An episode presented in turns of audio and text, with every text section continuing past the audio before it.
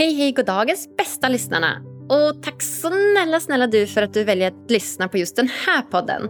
Och det är så klokt av dig att välja just lycka och välmående i livet. Och idag hörni, idag är jag lite extra glad. För vi har nämligen inlett ett alldeles nytt samarbete tillsammans med det fantastiska relationsbaserade företaget Training for Love. Det är en plattform som drivs av Beatrice Karinsdotter. Ja, ni vet hon som gästade podden i avsnitt 154. Bea hjälper individer eller par att träna på kärlek.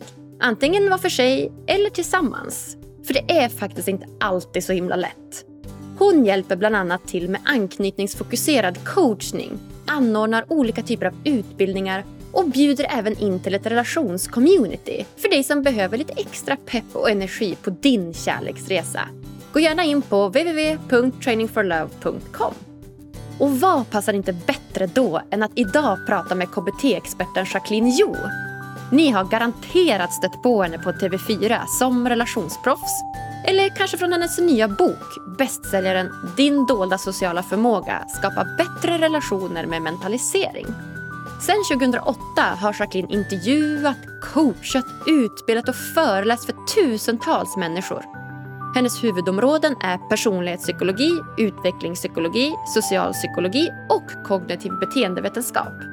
Hennes specialistkompetens ligger inom sociala relationer, kommunikation, samarbete och stresshantering. Idag pratar vi om viktiga nycklar för hållbara relationer. Hur du känner igen en osund relation redan i datingstadiet. Hur mycket vi bör anpassa oss efter varann i relationer. Och om vi är lyckligast i parrelationer eller som singlar. Ja, det här vill ni inte missa. Varsågoda!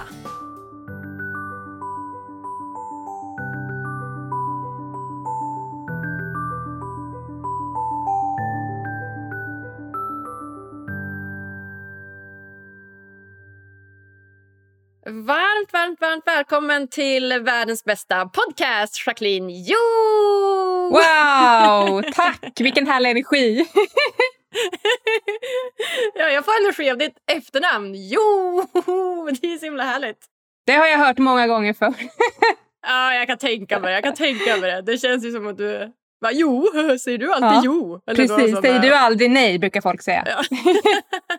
så jag brukar faktiskt säga ja. nej mer än ja, tyvärr. Jag är en sån tråkig jävel.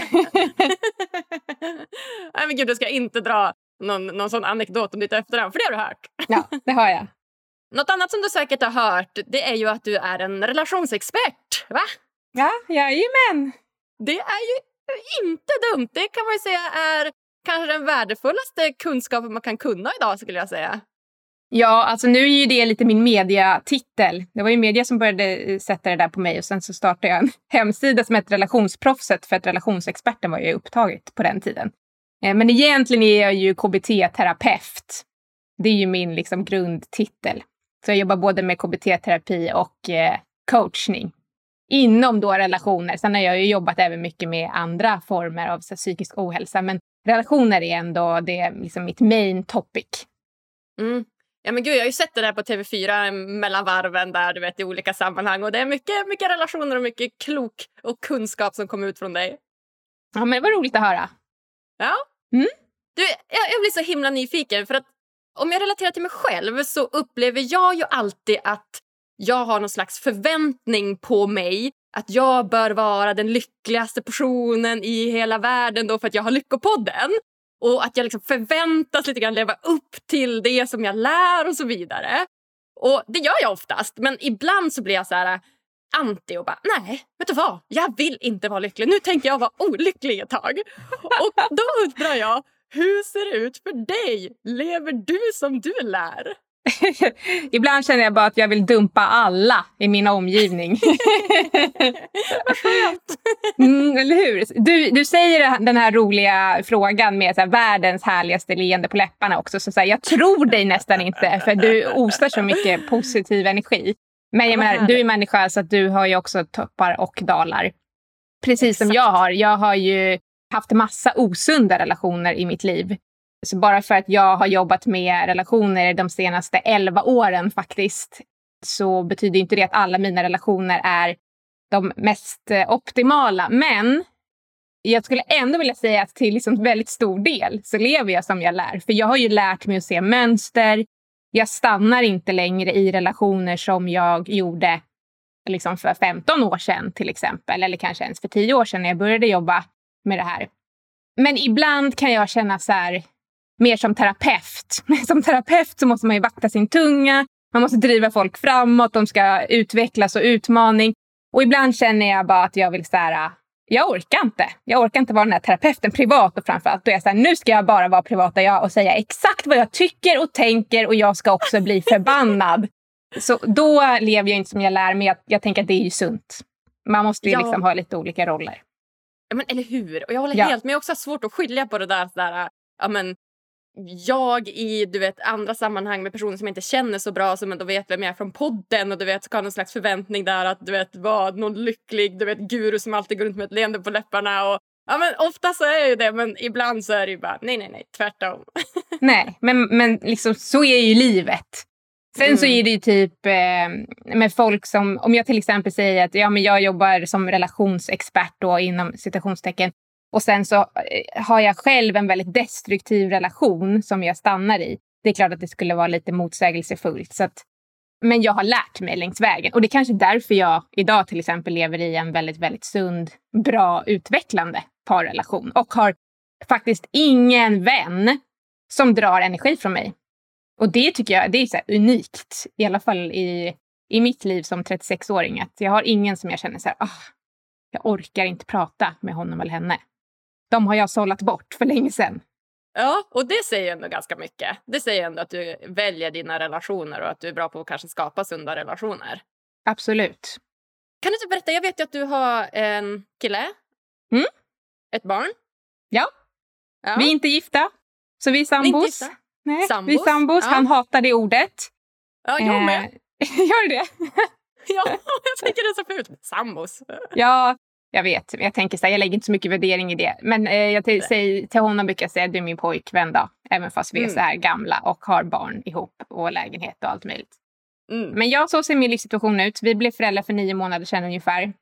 Eh, det är därför jag känner mig så sliten och min hjärna funkar faktiskt inte alls som tidigare. du har mammahjärnan påkopplad. ja, jag har nog det faktiskt. Konstant trött sådär. Men eh, ja, det går bra ändå. Kan du inte berätta lite, grann om, lite grann om dig och din sambo? Liksom eran senaste relationskonflikt som ni hade. Alltså det här låter ju så himla klyschigt. Jag vågar Vi nästan inte säga konflikter. det. Ja, men alltså vi har aldrig konflikter. Det är så? Med det sagt så betyder inte det att vi inte är oense om saker. Eller att eh, vi ibland känner så här, ah, men nu behöver jag det här. Eller jag behöver den här förändringen. Det är bara det att vi har liksom lärt oss att kommunicera kring de här sakerna innan det blir en konflikt. Mm. Och det tänker jag är lite så här yrkesskada från mitt håll. Som han också sa, han bara, du har ändå lärt mig massa grejer om hur man kan ta upp saker utan att det behöver bli bråk. Så ja, då är det så att vi har ingen konflikt där vi liksom är elaka mot varandra eller höjer rösten onödigt mycket eller liksom tjafsar. Vi tjafsar liksom inte. Vi trodde ju att så här, det här är någonting vi har nu, det är så här utopiskt nu innan vi får barn. Och alla sa så här, vänta bara tills ni får barn och ni får aldrig sova och det är skrik och blöjor och skit liksom. Det är massa kärlek också, dock. Det glömmer folk att prata om. Men eh, vi har faktiskt inte haft ett stort gräl på de här nio månaderna. Än. Nej. Men det betyder inte att det inte har legat nära. Jag tror att båda vi är väldigt tränade i att passa vår tunga. Och så här, är det här nödvändigt att jag säger? Mm. Och att faktiskt backa och ta in den andras perspektiv. För det är liksom lite grunden, om vi ska prata senare om så sunda relationer, så är grunden att kunna sätta sig in i den andra personens perspektiv. Hinner man göra det innan man liksom agerar i affekt och blir arg, då blir det inte en konflikt. Just det. Men däremot så har vi ju, alltså jag kan ju berätta om en sak, om du vill höra. Ja. Just apropå att vi fick barn. Och jag brukar alltid tipsa om eh, för par att så här, om man bråkar mycket kring hushållssysslor, vilket man gör oftast om man, om man bor ihop och inte har exakt jämn värdering kring hur det ska se ut hemma och vem som gör vad, så är det jättebra att ha en lista då man skriver upp liksom, så här, men jag sköter den här tvätten, du sköter den tvätten. Den som lagar maten diskar inte, jag lagar mat varannan dag. Men man har någon typ av struktur det har inte vi behövt för att det har liksom flytit så bra. Tills jag då blir mammaledig och vi delar lite på det här. Vi är hemma vartannat om och jag inser så här, men på mina dagar med dottern så blir ju massa saker gjorda. Som tvätten blir gjord, disken blir gjord, eh, jag hinner göra massa olika saker medan när jag kommer hem och du har varit med vår dotter så är det ingen tvätt som är gjord och det är liksom massa saker som jag säger, ah, har du gjort det här med henne, har du gjort det, har du gjort det? Nej, nej, det har jag inte gjort. Men jag har lekt med henne och varit ute med henne, så här, supermysig. Han är väldigt engagerad pappa, men då var jag ju så här, okej, okay, nu känner jag att jag tar alldeles för mycket ansvar i hemmet. Och jag vill inte vara den här typiska eh, kvinnliga projektledaren, för så ser det ut. Även om vi har liksom världens mest jämställda relationer i Sverige så är det ändå oftast kvinnan i då heterorelationer som tar ansvaret för hemmet och är projektledare. Men istället för att liksom tjafsa eller bara varför är inte disken gjord och tvätthögen bara växer och jag är så trött på att du aldrig får något gjort. Så kan man ju säga. Man kan också säga att så här, vet du, vi måste prata om eh, hur våra dagar tillsammans med vår dotter är. Jag upplever att jag gör det här och det här. Hur, hur ser du på det? hur mycket tycker du att du hinner göra? Så vi hade en jättebra liksom, konstruktiv dialog kring det här och varpå han säger Nej, men du har ju rätt. Jag gör ju inte så mycket annat än att bara är med henne. Men jag menar, då blir det inte en konflikt för att han går ju inte i försvar. Det är ju det som är lite nyckeln här. Utan han liksom reflekterar och inser så här, nej men hon har rätt. Jag har inte tvättat på två veckor och disken blir inte all, alltid gjord och maten står inte på bordet. Och, så här. och då säger han så här, kan vi inte börja använda en av dina berömda lister som du brukar tipsa om, säger han då. Jag bara, tack älskling, det har du rätt i, det gör vi. Så då gjorde vi en lista. Så här, vad behöver göras med henne? Vad är ditt ansvar i hemmet? Vad är mitt ansvar? För han var också så här, jag gör det gärna men det ligger liksom inte på i mitt minne. Nej. Det kommer inte lika naturligt för mig. Så jag behöver liksom gå och titta på den här listan. Så här, ah, det här behöver göras varje dag. Och så gör jag det. Och, och nu är det liksom, det blev inte en konflikt och det är mycket bättre. Då har vi liksom löst det innan det blir tjafs. Ja. Och det känns ju som, som du säger, mycket handlar om hur man säger saker. Alltså, ofta så är det så att du har någonting som du gärna vill säga och, och som du har gått och tänkt på. Du kanske går och gnager lite och liksom så här, hur ska jag säga det här och, och så. Och då räcker det inte då med att man ska säga det här utan du ska ju också då välja hur du säger det här. Har du några tips där? Vad är nycklarna? Hur säger man saker till sin partner? Ja, men det är så här, det är hur och när du säger det. Ja. För problemet är att vi väljer oftast tillfällen när bägaren har runnit över. Och det är ju då vi liksom briserar och inte kan eh, liksom kontrollera vår tonalitet. Så det är mycket bättre att så här, gå och gnager och sen så bara vänta, varför gnager det? Vad är problemet? Vad känner jag? Varför känner jag så här? Hur önskar jag att det skulle vara istället? Vad behöver jag från den här personen? Så att man hinner landa i det själv och sen tar man det vid ett tillfälle då båda är på hyfsat bra humör. För vissa funkar det bättre att inte sitta mitt emot varandra. Utan om vi till exempel åker bil, är vi ute och tar en promenad på lördagen eller vi ska bruncha eller ta en fika eller vad nu, vi nu ska göra. Det är då jag säger att du, jag, jag har funderat på en sak och det här gnager inom mig. Jag känner så här, jag upplever det här. Jag önskar den här typen av förändring. Och så pratar man om det här klassiska jag-budskapet. Och då blir tonaliteten oftast eh, automatiskt liksom lugnare. Så man ska försöka bara inte gå in i känslan. Ja, men utgå från sig själv då lite. Precis. Jag upplever, jag tycker, jag la la la. Så det inte blir du, du, du. Nej. Och det är så många som säger så ah, alltså det är så himla klyschigt. Vilka terapeuter och psykologer pratar inte om det, om det där liksom. Men varför pratar alla om det? Jo, för att om man faktiskt gör det så funkar det. Det är bara att folk gör det inte. Alltså det är så otroligt lätt. Men folk gör inte utan de är så här, du gör inte det här, du borde göra mer. Eh, du, du, du, du, du. Och sen ja, ja, ja, det är så synd om mig. Mm. Det är ingen som vill möta dig i det. Så det är bara så här, vrid på det där. Jag känner, jag upplever, jag önskar. Hur ser du på det? Bra. Jättebra. Men det är inte alltid man får bra svar tillbaka. Det beror ju på vem man är ihop med faktiskt, tyvärr. Ja, ja. ja men så är det ju. Verkligen. Mm. verkligen. Ja, för att eh, jag och min pojkvän vi har varit tillsammans ja, kanske ett och ett halvt, två år, något sånt där. Och vi har ju precis flyttat ihop. Flyttlasset har gått här under, under veckan. Ja, applåder, applåder. Ja, applåder till dig. Jag applåderar här i videon. ja. ja, och det känns jättebra. Det är jättemysigt. Men jag tänker när jag ändå har dig på tråden här relationsproffset, har du några tips till oss vad vi ska tänka på här nu när vi bor ihop? Ja, men jag tänker att eh, ni måste börja med att typ så här, rannsaka er själva. Vad har jag för förväntningar på det här? Alltså, ni, ni kommer ju in i det här med helt olika kanske förväntningar. Vad kommer det här innebära? Hur kommer vår vardag tillsammans se ut? Hur kommer vårt hem se ut? Hur kommer vårt liv se ut? Och Problemet är att om ni inte diskuterar de här förväntningarna själva, alltså, eh, först reflektera själva och sen diskutera med varandra, då är ju risken stor att det kommer bli potentiella konflikter när de går isär. Och det kommer ni inte märka förrän en situation uppstår. Så att ni behöver ju börja med att prata om så här, okej okay, men vad har du för, förvänt för, för förväntningar på vårt nya samboskap? Det ordet som mm. du inte gillar. vad, liksom, och så här, det är lite svårt att ha den diskussionen för man kanske inte riktigt vet hur man ska prata om det. Man kan bara närma sig det lite så här, ah, men förväntningar, vad tänker du ligger i det ordet? Och hur ser du att vår vardag ska vara? Och, så att ni börjar prata om struktur, för det är egentligen det ni behöver ha. Ni behöver ha en plan sen för att skapa en struktur så att det blir mycket mindre friktion och konflikter. För att flytta ihop är ju så här, ert privatliv, det försvinner ju nu lite. Eller hur? Ja, så att förut kunde du vara hemma och så han har ingen aning om vad du gör. Du kan chilla, du kan göra, kolla på din högljudda serie eller spela gitarr eller vad du nu vill göra utan att störa någon. Men plötsligt ska du ha en annan person som du ska ta hänsyn till. Det kommer ju ge sig såklart. Men det viktigaste tycker jag samtalet att ha det är det här med förväntningar. Och så här, vi behöver ha en plan och plan A är att vi måste kunna prata med varandra om allt.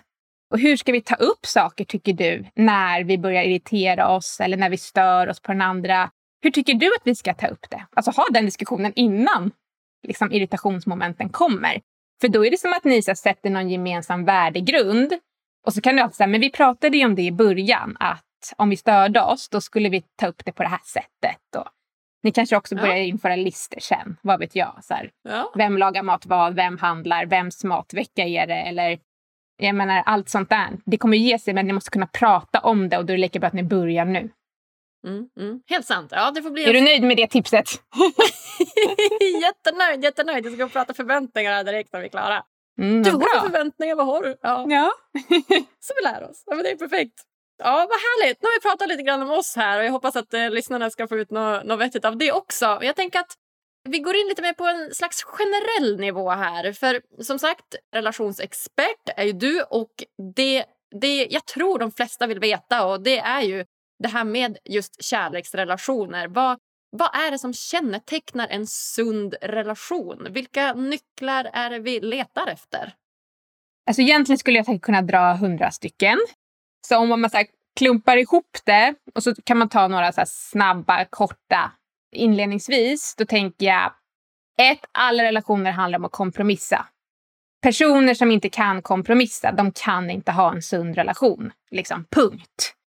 Så man måste kunna ge och ta. Däremot behöver man ju vara liksom, överens med sig själv. Vad kan jag kompromissa inom vilka områden och vilka områden kan jag inte kompromissa? Alltså vi har ju vissa grundvärderingar där vi inte vill kompromissa. De behöver man ha satt för sig själv. Men det kan inte vara så här, jag är den jag är, Ta mig för vad jag är. Jag kommer inte att förändras bara för att du vill något. Mm, Då kan man inte ha en relation. får man ändå höra ibland. Ja. Och det är oftast personer som inte har så här, kanske reflekterat så mycket kring sig själva och sitt egna beteende. Och det här handlar inte om att här, jag ska bli någon helt annan. Men jag måste kunna möta dig liksom, i relationen.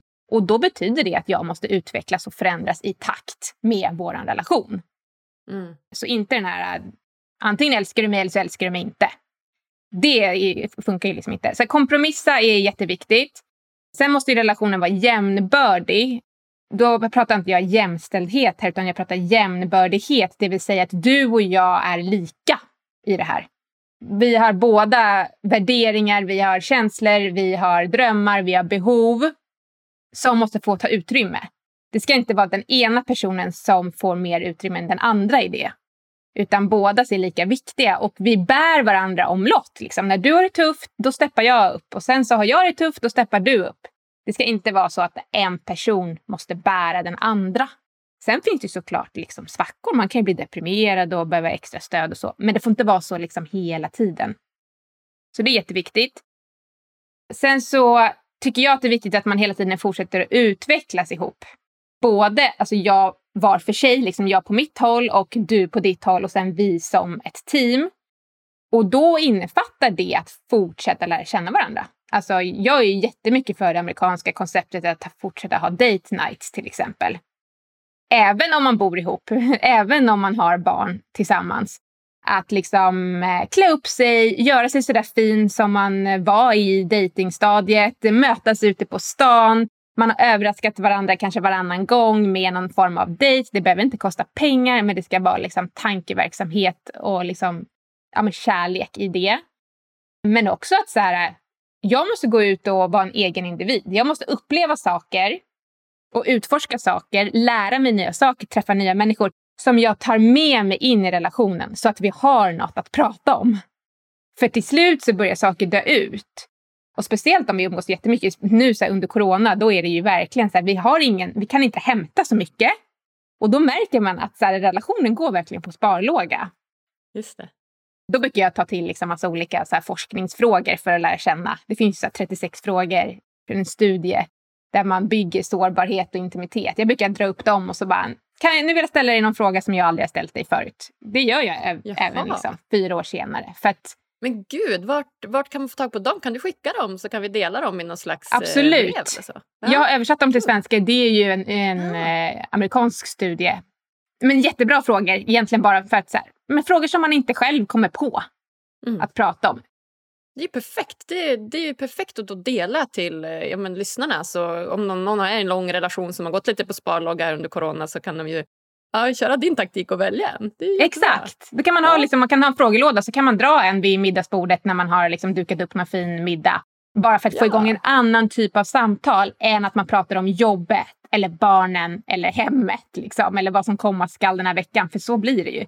Och det där är lite, tycker jag, att här, jobba på relationen. Eh, att faktiskt anstränga sig också. Sådär som du ansträngde dig i början. Vi slutar ju anstränga oss efter ett tag, tyvärr. Så tror vi att den ändå ska fortsätta hålla, vilket är galenskap. Mm, verkligen. Eh, så det är ju så några grund, så några enkla liksom vardagsknep. Men om vi ska gå in på lite så tyngre så grundläggande, som jag var inne på varför till exempel inte blir konflikt mellan mig och min kille som jag eh, inledningsvis pratade om här. Då handlar det ju om att kunna ha en grundläggande förståelse både om mitt eget beteende, hur min partner uppfattar mig och kunna sätta mig in i min partners perspektiv. Och det kallas inom psykologin för mentalisering. Alltså det är som ett tankeverktyg. Mm -hmm. Det härstammar från mentaliseringsteorin. Det är en teori som är liksom sammanlänkad egentligen med anknytningsteori om folk känner igen det. Det har ju varit mm, trendigt här några år. Haft. Ja, ja, det har vi precis haft ett avsnitt om. Det är ja, min favoritteori. Alltså. Mm, ja. Mm. Men då kanske vi ska titta lite på mentaliseringsteorin också för den, eh, den går liksom hand i hand. Man formar ju en god anknytning, alltså förmågan att kunna skapa relationer med folk genom att man lär sig mentalisera. Och det är våra anknytningspersoner, alltså oftast våra föräldrar, som lär oss det här med mentalisering. Det vill säga, vänta, vad känner jag nu? Så försöker vi ju lära barn. Liksom. Vänta, är du trött? Är du ledsen? Är du arg? Har det hänt något? Varför är du på det här humöret? Okej, då får jag förståelse för mitt inre känsloliv. Sen förstår jag så här, ah, om jag skadar någon, nu pratar vi på barnnivå här, då blir den personen ledsen. Ah, det kanske inte är så smart. Okej, då börjar jag förstå att mitt beteende påverkar min omgivning. Och sen är det så här, jaha, men den här personen har egna känslor, egna behov, egna drömmar som jag måste ta hänsyn till. Alltså det här är en förmåga som börjar så smått utvecklas i 4-5 års åldern. Men alla, och sen när vi liksom blir vuxna så blir det ju här liksom mycket mer sofistikerat och vi gör det i, i huvudet. Liksom. Så vänta, varför känner jag så här? Hur upplever du mig nu när jag har den här dåliga tonen och fräser mot dig? Och framförallt, varför är min partner så ledsen eller arg eller trött? Vad har hänt? Hur har jag påverkat? Så det är liksom ett tankeverktyg som eh, Alltså det är egentligen grunden till hela relationer, alltså för att kunna ha bra, lyckliga relationer. Eh, och det finns ju studier som visar att vi är, har ju mycket bättre socialt samspel, högre social kompetens om vi har en hög grad av just god mentaliseringsförmåga. Just det. Och det försöker jag ju träna folk i, både i terapi, alltså individualterapi och i parterapi. Alltså, men vänta, vad hände med Anna här nu, eller Agnes? hur tror du att Agnes känner när du gör så här? Det är ju det liksom, perspektivskiftet liksom, som man måste hela tiden få in för att kunna förstå. För om vi inte kan förstå varandra då blir det ju missförstånd, det blir konflikter och det leder till en dålig relation. Mm. Just det. Så förmågan att kunna sätta sig in i en annan persons perspektiv. Ja, det är ju en del i det hela, men den andra delen är ju också att här, förstå varför jag reagerar som jag gör. Istället för att bara, vad fan är inte tvätten gjord liksom? Så bara, men vänta, varför är jag så arg? Ja, men det handlar om det här, det här, det här. Är jag bara arg? Nej, men jag är kanske lite ledsen också för att jag känner mig inte sedd. Jag känner mig inte bekräftad. Då är det ju det som ska fram. Liksom. Jag hade en klient en gång som hon var så himla arg sa hon och när hennes sambo som jobbade jättemycket kom hem sent på kvällarna då var hon så passivt aggressiv. Hon dukade hårt, hon smällde i skåpdörrarna men hon sa ingenting. Och han var så här, varför är du så arg? Hon bara, ja, jag är inte arg. Ja. Här, eh, nej, okej. Men det, hon, egentligen hade hon ju rätt i det. Hon var inte arg. Det kom ut som ilska, men hon var ledsen. Hon kände så här, du jobbar hela tiden. Du prioriterar inte mig. Du prioriterar inte oss. Du har inte frågat mig om vi ska hitta på något roligt tillsammans.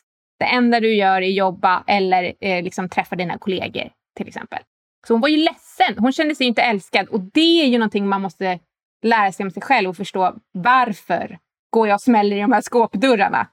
Och så är det den här ledsenheten som ska uttryckas istället för att säga jag är inte arg medan man smäller ner en tallrik i bordet, för det är inte så konstruktivt.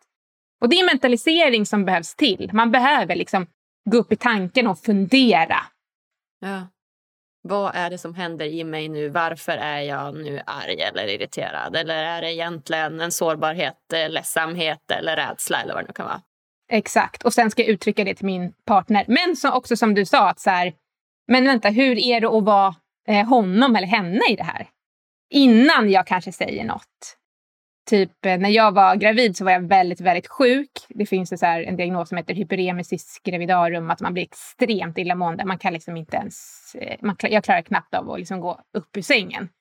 Oj. Så min kille fick ju göra allt hemma. Alltså allt. Jag kunde inte röra mig överhuvudtaget. Och det är klart att det var påfrestande för honom att han jobbade, han fick ta hand om hemmet.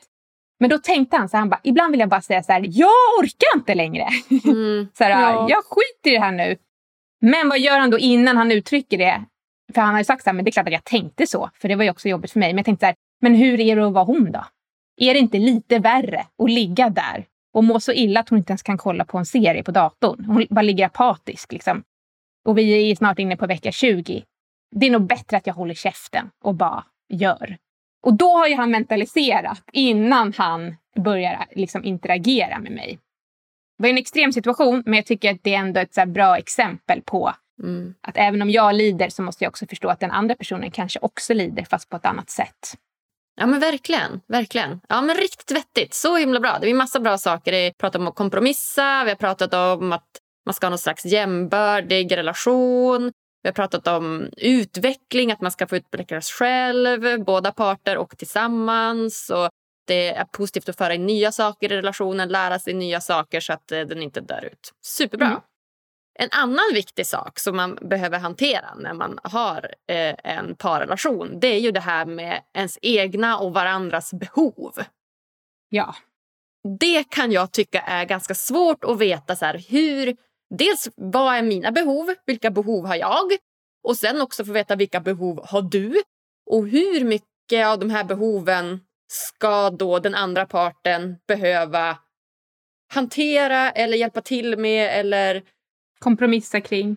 Ja, kompromissa kring. Exakt. Hur tänker du där?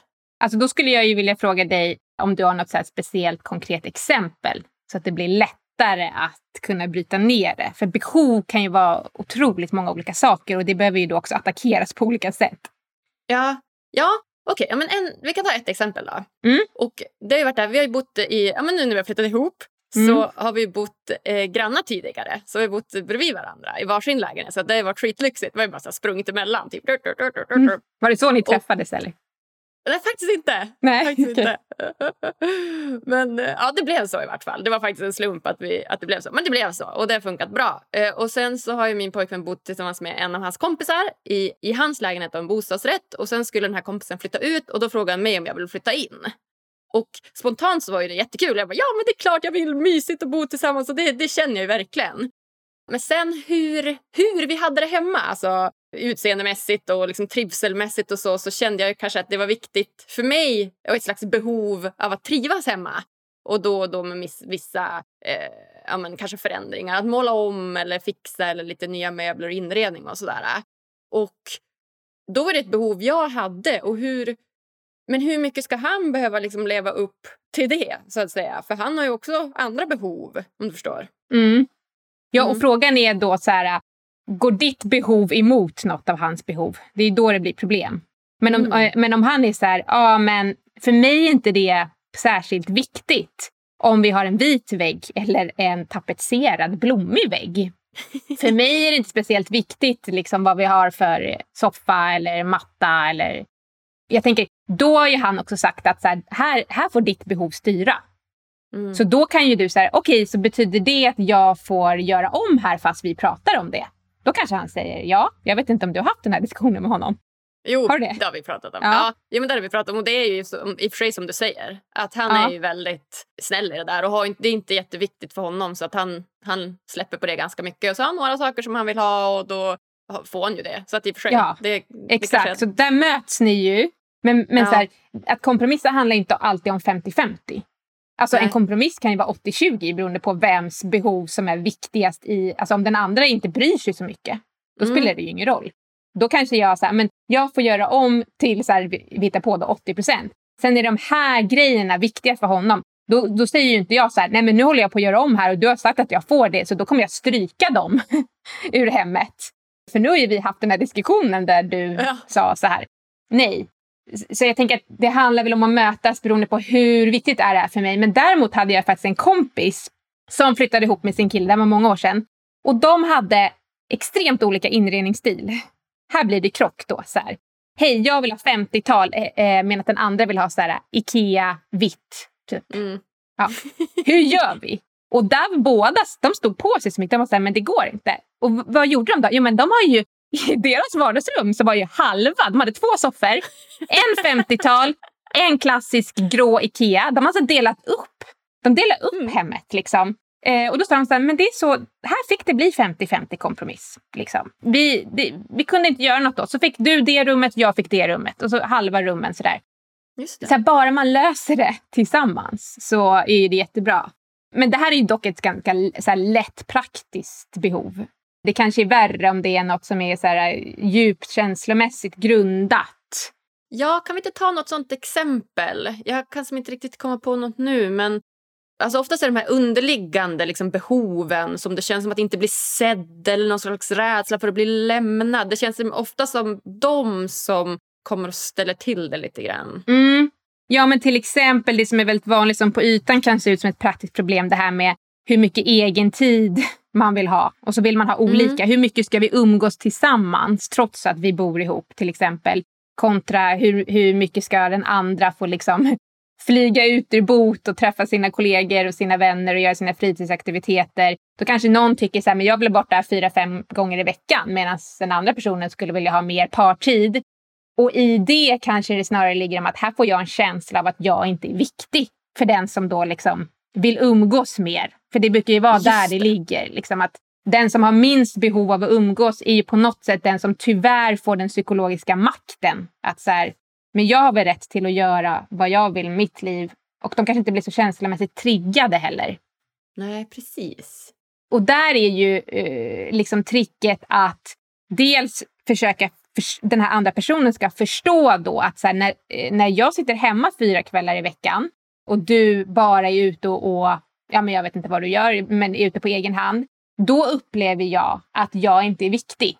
Och jag menar, det är egentligen viktigare än det här praktiska om att så här, egen tid eller partid. Finns det något annat sätt som jag kan få den känslan? De här andra kvällarna i veckan som vi har tillsammans, hur förvaltar vi dem? Alltså hur mycket tankar de in på mitt behov? Om vi kanske skulle ha en så här eh, romantisk date night varje vecka och så här lördagar typ, det är, eller antingen lördag eller fredag, det är våran date night. Då gör vi något tillsammans, vi pratar, vi spelar spel, jag vet inte vad vi gör. Har sex i tre timmar, gör någonting som liksom binder oss samman. Då kanske det inte är lika viktigt för mig att du är hemma eh, varje kväll efter jobbet. Till exempel. Alltså, så där kan man liksom laborera lite, att det kanske inte bara handlar om det, utan vad behöver jag för att känna mig uppfylld? Mm. Men är det så att jag vill att vi ska sitta ihop hela tiden och den andra personen vill verkligen inte det, då kan det ju vara så att man är alldeles för så emotionellt olika för att faktiskt båda kunna få syre och kunna få relationen att hålla. Så ibland kan ju det vara en faktor som gör att så här, men vi kanske inte funkar ihop. Liksom. Just det. Verkligen. Tyvärr. Ja, men det är ett jättebra exempel. Där tror jag många kan, kan känna igen sig i det här med tid. Alltså, det, det är verkligen, tid är ju en begränsad resurs. Alltså, det är den mest begränsande resursen. Så att, ja, viktigt vart man spenderar sin tid. Ja. Ja, och vad man gör då av den tiden liksom, tillsammans ja. för att väcka känslor som funkar för mig. Ja, men verkligen. Ja, men superbra. Jättespännande.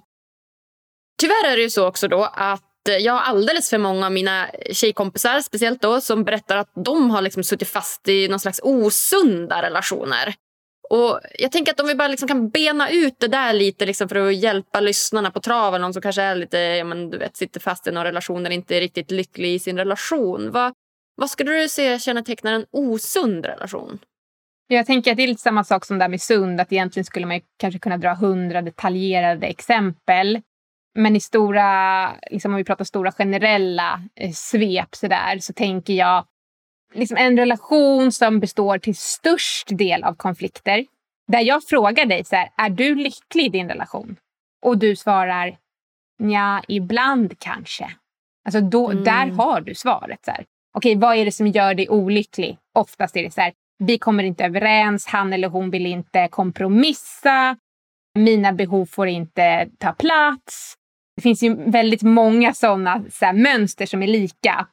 Mycket i konflikterna handlar om att det är så här föraktfulla, nedvärderande kommentarer. Man kanske är tillsammans med en person som har just den där inställningen att jag behöver inte ändra mig, jag behöver inte göra något. Du får anpassa dig efter mig, även om det inte är uttalat. Men det är så underförstått. Mm. Ja, men jag hade till exempel en läsare som skrev, för jag brukar svara på frågor på Instagram, på stories. Så svarar jag liksom kostnadsfritt på vissa frågor varje vecka för att sprida kunskap. Och då var det faktiskt en tjej som skrev häromdagen, jag har inte publicerat det än, men att så här, vi har fyra barn, vi går aldrig ut och gör någonting. Jag har sagt så här, jag vill ha vuxentid, jag vill gå på date night. Så här, kan inte vi göra det? Och den här eh, partnern svarar så här, men det är inte viktigt för mig. Jag tycker inte vi behöver prioritera det. Alltså det är ju inte en, en sund inställning. Utan då har jag Nej. sagt till henne så här, för hon bara, hur mycket ska jag anpassa mig och hur mycket kan jag kräva? Kan jag kräva att, då i det här fallet var en man, att han kan gå på den här dejten med mig varje vecka eller varje månad? Liksom. Ja, sa jag då till henne. Så här, ja, det tycker jag att du kan kräva. Så här, det här är min önskan. Sen får han välja något. Vad är viktigt för dig en gång i månaden? Mm. Om vi ponerar det. En gång i månaden vill jag att vi går på romantisk middag. Och en gång i månaden, vad vill du göra? Du kanske vill göra något helt annat tillsammans med mig. Så att vi byter önskningar med varandra. Men det är en osund inställning. När jag pratar om nedvärderande fraktfulla kommentarer, då har jag haft massa klienter som sitter i relationer med både män och kvinnor som liksom talar väldigt negativt till dem. Du är inte tillräckligt bra, du är inte tillräckligt smart, varför gör du så? Du gör hela tiden fel, du är så kass, du... Ja, men de kan komma på massa saker. Du är inte tillräckligt smart, inte snygg. Det är liksom indirekta personpåhopp och ibland direkta personpåhopp. Eller så här, varför ska jag lyssna på dig i en konflikt? Det är ju supernedvärderande. Varför ska jag lyssna på dig? Bara, ja, för du är ihop med mig. Alltså min åsikt ska betyda någonting. Just så en det. relation där den ena personens åsikt, behov, känslor, drömmar, värderingar inte... Eh, alltså det spelar ingen roll för den andra personen. Det är bara han eller hon som styr. Det är hans behov som styr hela tiden eller det är hennes drömmar som är viktigast. Det är ju väldigt osunt. Eh, och det kanske inte syns liksom, på ytan riktigt det här, men det pågår. Det är så underliggande konflikter och många gånger så är, lever folk i relationer där det är psykisk misshandel faktiskt. De förstår bara själva inte att de är utsatta för det. Nej, exakt. Och det är det jag tycker nästan är vanligast. Det här psykiska misshandeln. För som du säger, oftast förstår man inte det förrän man har lyckats ta sig därifrån. Och mm. det är ju så himla farligt alltså. Mm. Och problemet är att eh, när man jobbar med många av de klienterna som jag har jobbat med för att de ska försöka ta sig därifrån så har det funnits varningstecken redan från början. Okay. små, små grejer redan kanske i dejtingstadiet. Men så eskalerar det. Typ vad? Nej, men allt ifrån så här, kontrollerande beteenden syns oftast ganska snabbt. Var ska du? Vem ska du vara med? Hur länge ska du vara borta? Man förklär det med ett positivt tonläge men man är lite, lite väl intresserad av detaljer. Ja, jag själv till exempel. Ja, svartsjuka och kontroll. Jag har dejtat en kille en gång som så ville köra mig överallt. Det var superromantiskt tyckte jag i början. ja, Tills jag insåg att så här, men vänta, det här är ju ett sätt att hålla koll på mig. Ja, var jag befinner mig. Det, det, är ju en, den är ju ganska extrem, liksom, som psykisk misshandel. Men framför allt det du kanske är mer inne på, det är den här vardagliga kommunikationen. Att man pratar ner varandra. Liksom. Exakt. Och är gnälliga mot varandra och tycker att den andra, allt de gör är fel och de är liksom värdelösa och kassa och de borde bli bättre på både det ena och det andra. Men själv tänker jag inte kolla mig i spegeln. Liksom. Nej, exakt. Ja, ja men jättebra, jättebra tips. Vi pratade också lite om det här med att liksom anpassa sig och kompromissa och att man någonstans måste gå halva vägen var då eller beroende på behov då om det är 80-20 eller vad det nu kan vara. Och det får mig att tänka på, tror du att vi egentligen är lyckligast när vi lever i parrelationer eller är vi lyckligast när vi lever som singlar? För att när vi är singlar, alltså när vi inte har någon annans behov och rätta oss efter någon annans Du jag behöver inte kompromissa med någon. Du kan bara leva, leva utefter dina egna behov och dina egna önskningar. Någonstans så får, får det mig att tänka att så, ah, men, vi kanske är lyckligare då. ja, alltså så här. Jag tror att det finns ju vissa personer som väljer att Eh, eh, inte gå in i en parrelation. Om du har valt det eh, eh, liksom baserat på att jag vill kunna styra mitt eget liv, min fritid och allt det där och bli lycklig av det, då är ju det superbra. Dock är ju de personerna ganska unika. För det finns ju, jag tänker så här, det finns ju flera aspekter av det här. Ett, det finns ju en biologisk aspekt. Att vi är ju primade till att eh, skaffa avkomma. Liksom. Eller att i alla fall leva i tvåsamhet eller i alla fall någon form av grupp grupptillhörighet som är svår. Så det är en instinkt som driver oss i det som jag tror kan skapa eh, liksom någon form av lycka, alltså framförallt i form av trygghet, social trygghet. Sen tänker jag att det är liksom olika faser i livet. Mm. Har jag väldigt många i min omgivning som också är singlar och mår bra så att jag kan alltså, få den här då, liksom, jag kanske inte behöver leva med dig i en här, sexuell relation men vi kan ändå, jag kan ändå ha dig som min bästa kompis till exempel. Så att vi har någon form av liksom, närmre relation än omgivningen. Då kanske jag är lyckligare i det. Det behöver ju inte vara en kärleksrelation. Liksom. Så i den fasen kanske jag är lyckligare. Men om vi då ponerar att alla i min närhet skaffar sig en partner och sen på sikt skaffar sig familj, då är jag ju plötsligt ensam i min grupp. Och då är ju inte jag sammanlänkad till någon person egentligen. Då tror jag att man generellt blir mindre lycklig. Om man inte kan hitta någon ny då i samma konstellation. För jag tror att om du väljer att leva som singel så är det nog bra att du har ett liksom, socialt nätverk av personer som har gjort samma val så att du ändå känner samhörighet med dem. Mm. För det finns det ju väldigt eh, många studier på och en som jag brukar prata mycket om när jag föreläser det är ju, och då pratar inte jag bara parrelationer utan jag pratar ju liksom alla sociala relationer när jag är ute och föreläser på olika bolag. Då brukar jag referera till en eh, amerikansk studie som är, där de har gjort en metaanalys då har de tittat på över 148 olika studier som har mätt, mätt så här, vilka faktorer är viktiga för ett långt liv framför allt. Nu pratar de inte lyckligt liv, men alltså man måste ändå ha någon form av grundlycka för att orka leva. Och det är alltså ett så här deltagarantal på över 308 000 personer som har studerats. Och vad ligger då i topp på den listan? Liksom över faktorer för att ha ett långt liv? Ja, men det är relationer. Och det första är att ha nära relationer. Det vill säga det jag pratar om, att kunna känna mig nära vissa människor. Det behöver inte vara många, men jag behöver kunna känna liksom, emotionell connection med vissa personer. Och det andra är social tillhörighet. Det vill säga, jag behöver en social gemenskap. Och jag tänker att det är det jobbet fyller för oss till exempel. Alltså jag går någonstans, jag har en grupp, jag hör till ett team. Eller jag hör till mitt samhälle. Jag pratar med mina grannar, jag går liksom vi kanske går ut på gatan och har någon form av social interaktion där jag känner att jag är en del i ett socialt sammanhang. Och det då så ökar liksom den psykologisk, det psykologiska välbefinnandet och får oss att få ett rikare liv. Och jag tror att de två grejerna, då måste man i sånt fall liksom ta vara på dem på något annat sätt. Just det. Just det. Men jag kom på det också när jag sa det, att det, relationer är ju faktiskt en av de nycklarna som gör oss som lyckligast. Men, eh, Exakt, men jag, jag tänker jag... det behöver inte handla om kärlek och sex alltid. Nej. Alltså, Nej. Men, men vi behöver sex ha är också dem. Ett behov. Ja. ja, jo det är det. Men det kan, man kan ju få sex utan att vara i en parrelation. Ja, det är helt sant. Eh, det är helt sant. Att, ja. ja.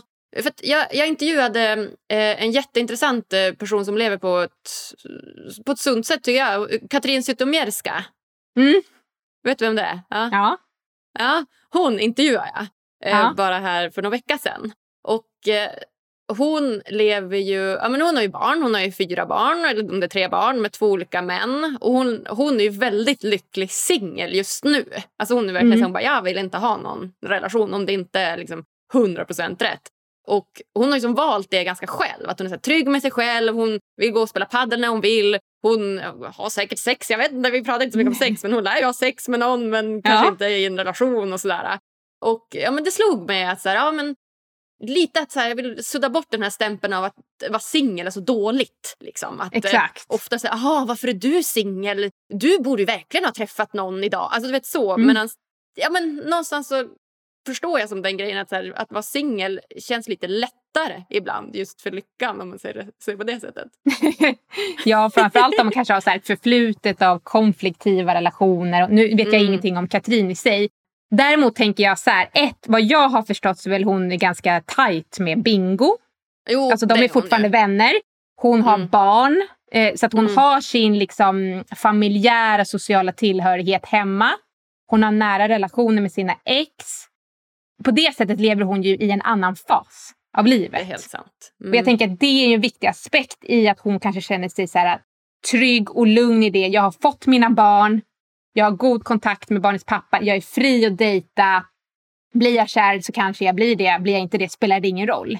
Men det är skillnad att vara så här, som många som klienter jag har jobbat med. Hej, jag är kvinna, är 38, 39, 40, vill ha barn och familj och är singel.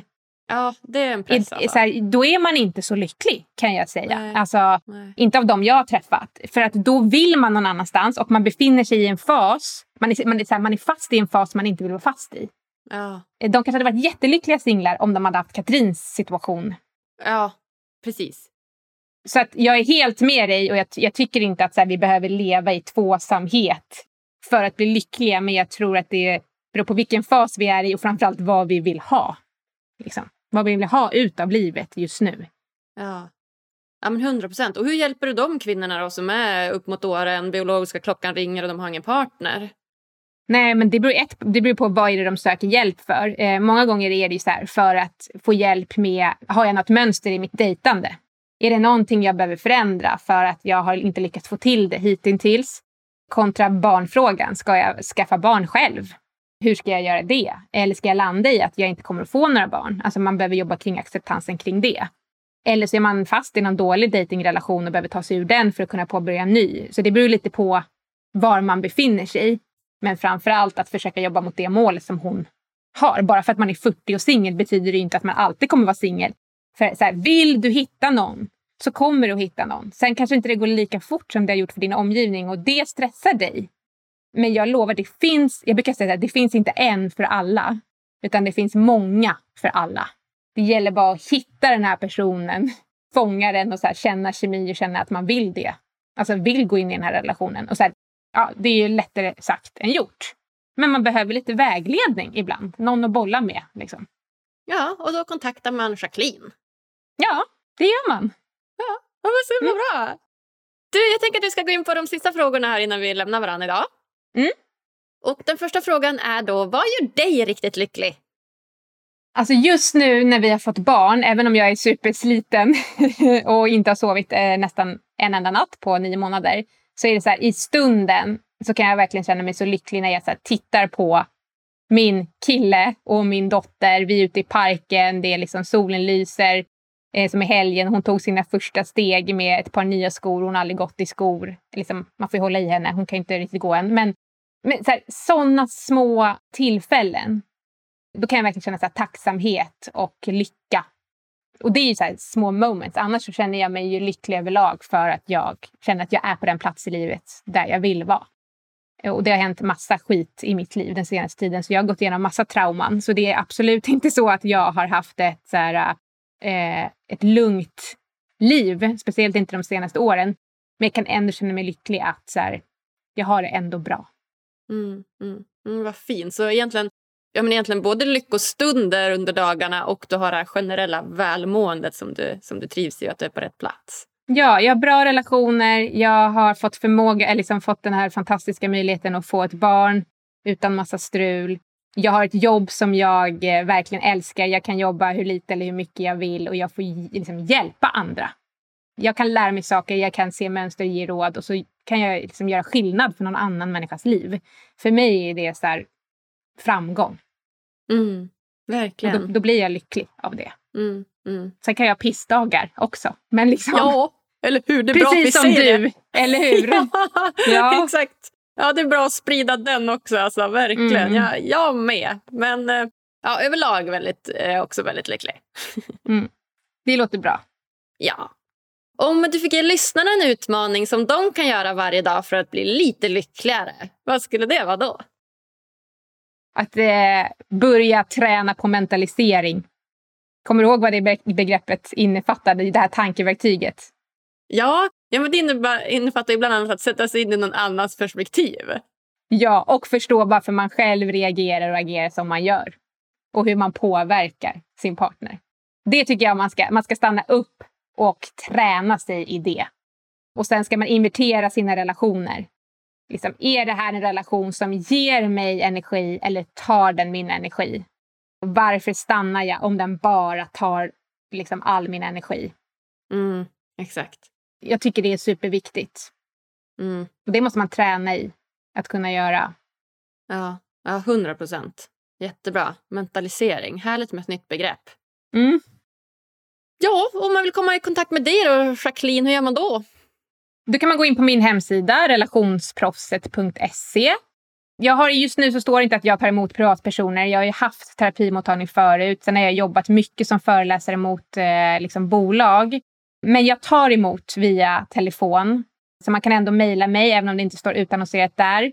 Eh, jag har även en, en gratis webbkurs för singlar som vill lära sig mer om psykologin bakom dating. Den kan man eh, hitta en länk till på hemsidan. Och sen hittar du mig på Instagram och då får man söka på mitt namn som är supersvårt. Jacqueline Jo. Det är aldrig någon som stavar rätt till det. Men du får väl eh, börja googla så hittar du nog rätt stavning. Och på Instagram, och där svarar jag på frågor. Jag är ju mest liksom, eh, uppdaterad på stories. Jag gillar att uppdatera i nuet. Och där svarar jag på läsarfrågor anonymt. Då. Men så lär man sig liksom om andras eh, relationsproblem. Ja. Jag ser fram emot att lyssnarna kommer dit och ställer lite frågor och eh, ja, men tar, tar in lite ny info och ny fakta. Mm. Ja, men kul. Det är bra att det finns någon slags relationsskola här eftersom att det inte svämmar över av sån information på de vanliga traditionella skolorna. Så att, eh, ja, in och läs lite hos Jacqueline. Jag vill skapa en community. Liksom. Alltså det är Ja. mitt mål, där vi kan stötta varandra. Både singlar, jag börjar med singlar och bygger så en stor webbkurs. Så att vi kan samlas som ett forum för alla som går den stora kursen sen. Så man kan stötta varandra i det här. Och sen vill jag bygga en för par också. Där man kan få, liksom, man behöver inte gå i parterapi. Man ska inte behöva det. Man ska kunna hämta nyttig info och jobba på sin relation eh, online och i så communities tycker jag, som är låsta och reglerade. Mm. Det är mitt mål. Ja, men bra mål! Jag gillar det. Det är skitbra det här? Man måste ha mål i livet, Agnes. Ja, men du har så rätt. Du har så rätt. Man måste ha någonstans att sträva. Ja. ja, nej, jag håller helt med dig, Jacqueline. Är det något, är det något slutligen som du känner att så här, det, här, det här måste jag säga till lyssnarna innan, innan vi lämnar varandra? Nej, gud jag kan inte komma på något. Jag tänker bara så här, äh, mitt livsmotto. Friskt, vågat, hälften vunnet. Var Wow! inte så mesig. Våga ta upp det där jobbiga i relationen. Prata om den där känsliga saken. Se till att inte gå i försvar. Bara jobba med dig själv. Kasta dig ut för eh, singelklippan. Våga börja dejta igen. Våga leva liksom singel som Katrin. Eller ta hjälp. Typ så. Fantastiskt, jättebra. Ja, jag är så glad. Tack snälla, snälla Jacqueline. Vi har fått med så mycket vettigt. Och nu ska jag gå och prata förväntningar här med min pojke så att Ja. vi inte hamnar i konflikter. Du får uppdatera mig sen. Ja, det ska jag göra. Absolut. Kanske behöver hjälp till och med. Ja, ni är så välkomna. Ja, vad fint, vad fint. Du får hälsa din eh, sambo och ditt Ja. eh, barn. Ja. Så tackar jag så himla mycket Jacqueline för att du ville vara med i Lyckopodden. Tusen tack för att jag fick vara med och tusen tack för dig och din härliga energi. Tack själv. Det är inte så många som har din energi. Det är så? Ja, Ja. Härligt. Ja, nej, men jag, jag trivs bra med den. Ska försöka behålla den. Ja, bra! Ta åt dig av komplimangen. Det gör jag. Tack snälla för den också. Ha det så bra. Ha det bra. Hej då! Hej då.